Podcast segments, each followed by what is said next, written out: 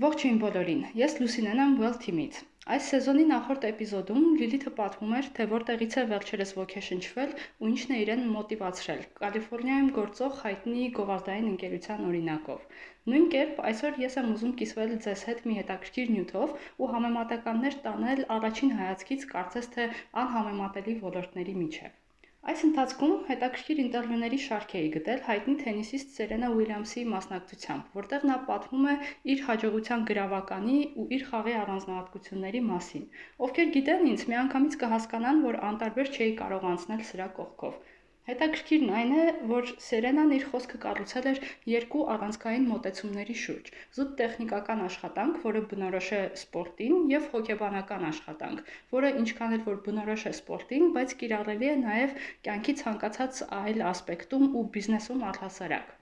Առանձնացրել եմ մի քանի կետեր, որոնց շուրջ կուզենայի տանել համեմատականները։ Չէ՞ որ ի վերջո միշտ հանգում ենք այն եզրակացությանը, որ կարևոր չէ թե ինչ ես անում, կարևոր է թե ինչ մոտեցումով ու ինչ նվիրվածությամբ ես այդ ամենը անում։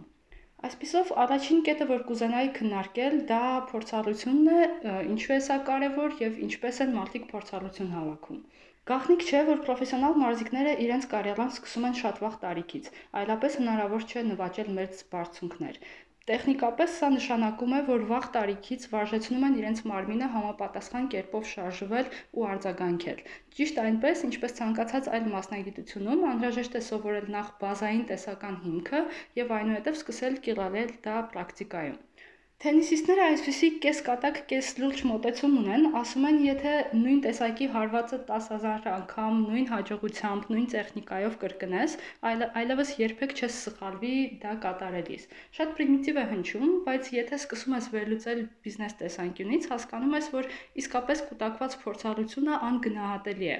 Վերջերս գործընկերներով նման մի քննարկման ժամանակ հասկացանք, որ կան process-ներ, որոնք ժամանակի ընթացքում ավելի ու ավելի քիչ ժամանակ են մեզանից տանում,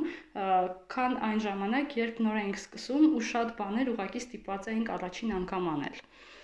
Բյուջեի հաշվարկ, հարկային հաշվետվություններ, գաղափարների գեներացում, բանակցություններ, թե ցանկացած այլ բան, եթե առաջին անգամ ես անում, առաջնորդվում ես զուտ տեսական գիտելիքներով ու կոպիտ ասած հայերի ասած քթի ծակով։ Եթե լավ ստացվեց, ուրեմն ճիշտ տեսական հիմք ունես։ Եթե ինչ որ մի բան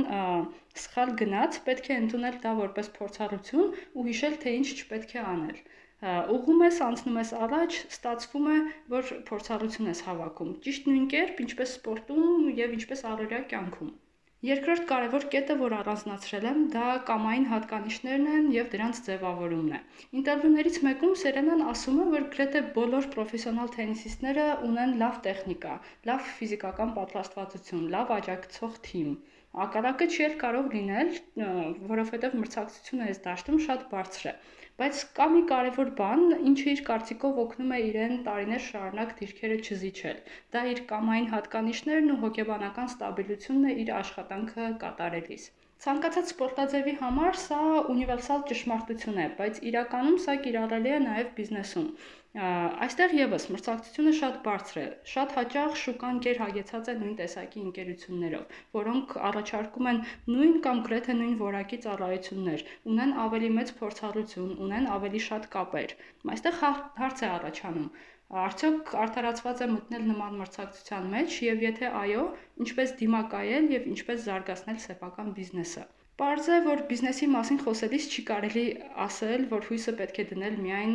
թիմի կամ այն արժեքների վրա, բայց դա շատ հաճախ, հատկապես հայկական պայմաններում, երբ հիմնականում փոքր ու միջին բիզնեսների, փոքր թիմերի մասին ենք խոսում, սա շատ կարևոր է։ Ինչպես թենիսում պետք է ունակությունների 100%-ը ներդնել յուրաքանչյուր միավորը վաստակելու համար, այդպես բիզնեսում յուրաքանչյուր օր պետք է անել ամեն ինչ լավագույն արդյունքների համար, անկախ ճգնաժամերի արկայությունից, անկախ պայմանագրերի մեծությունից, անկախ ծրագրերի շատ կամ քիչ լինելուց։ Որպեսզի ավելի པարզ լինի, բերեմ մեր օրինակը։ Թիմում միշտ քննարկում ենք, թե ինչ չափորոշիչներով է հարկավոր առաջնորդվել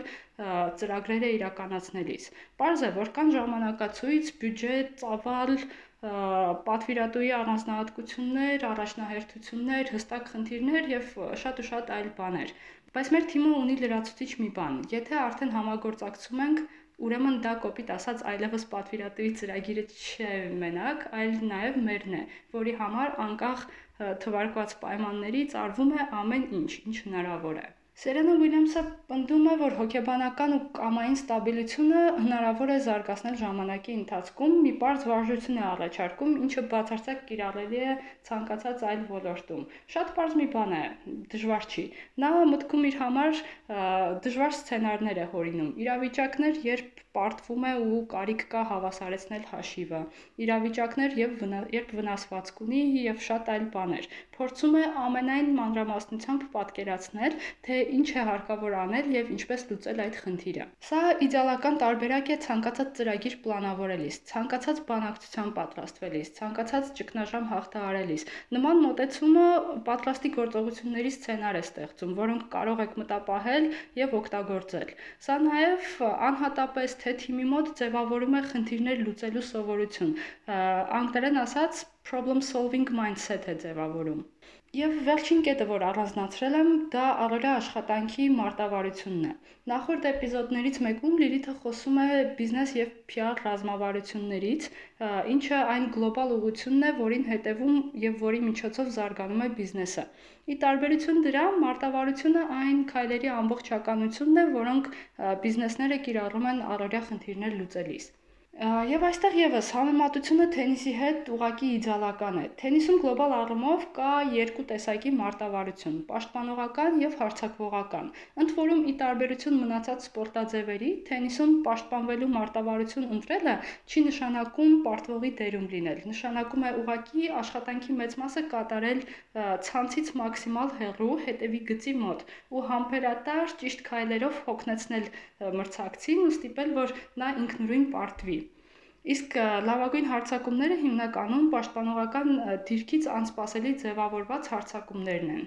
Հարձակվելը բնականաբար նշանակում է կտրուկ քայլերով մոտենալ ցանցին եւ ինքնուրույն վաստակել հաղթական միավորը։ Խաղի ընթացքում, եթե մարզիկը ուզում է խուսափի սխալներից, հիմնականում այսպես զուգորդում է այս երկու մարտավարությունները։ Եթե անալոգիան կիրառենք բիզնեսում, շատ բարձ եզրակացության ենք հանգելու։ Հնարավոր չէ անդադար լինել հարձակվողի ու ագրեսիվ մարտավարություն վարողի դերում, հատկապես եթե շուկային ասելիք չունես, եթե տնային աշխատանքդ կոպիտ ասած չես արել։ Ու PR մասնագետները սա ամենալավը կհասկանան, քանի որ PR արշավները ամիսներով են պատրաստվում, հաշվարկվում են բոլոր ռիսկերը, նախապատրաստվում են բոլոր նյութերը, մտովի քննարկվում են բոլոր հնարավոր սցենարները եւ դրանից հետո միայն ամեն ինչ ներկայացվում է հանրությանը։ Շատ ու շատ բիզնեսներ թե մեր երկրում, թե այլ երկրներում հաճախ սայթակում են հենց այս կետում, մտածելով, որ ավելի ճիշտ է անդադար լինել հանրության ուշադրության կենտրոնում, անգամ եթե ասելիք չկա։ Ամեն դեպքում կարծում եմ, որ թենիսային պաշտպանությունը շատ ավելի ակտուալ է հիմա, երբ բիզնեսների որոշ ու շատ մեծ մաս իսկապես պարալիզացվել է այս պայմանների արդյունքում ու չունի անելիք ինչ ասեմ, փորձեք հասկանալ, թե ինչ տնային աշխատանք կարող եք անել։ Արեք դա ու ներկայացրեք շուկային։ Գուցե դա լավ շանս է նոր շուկաներ գրավելու, նոր գործընկերներ ձեռք բերելու, ինչ որ մի նոր բան փորձարկելու եւ նոր արդյունքների հասնելու։ Այսքանը, առողջ եղեք։ Thank you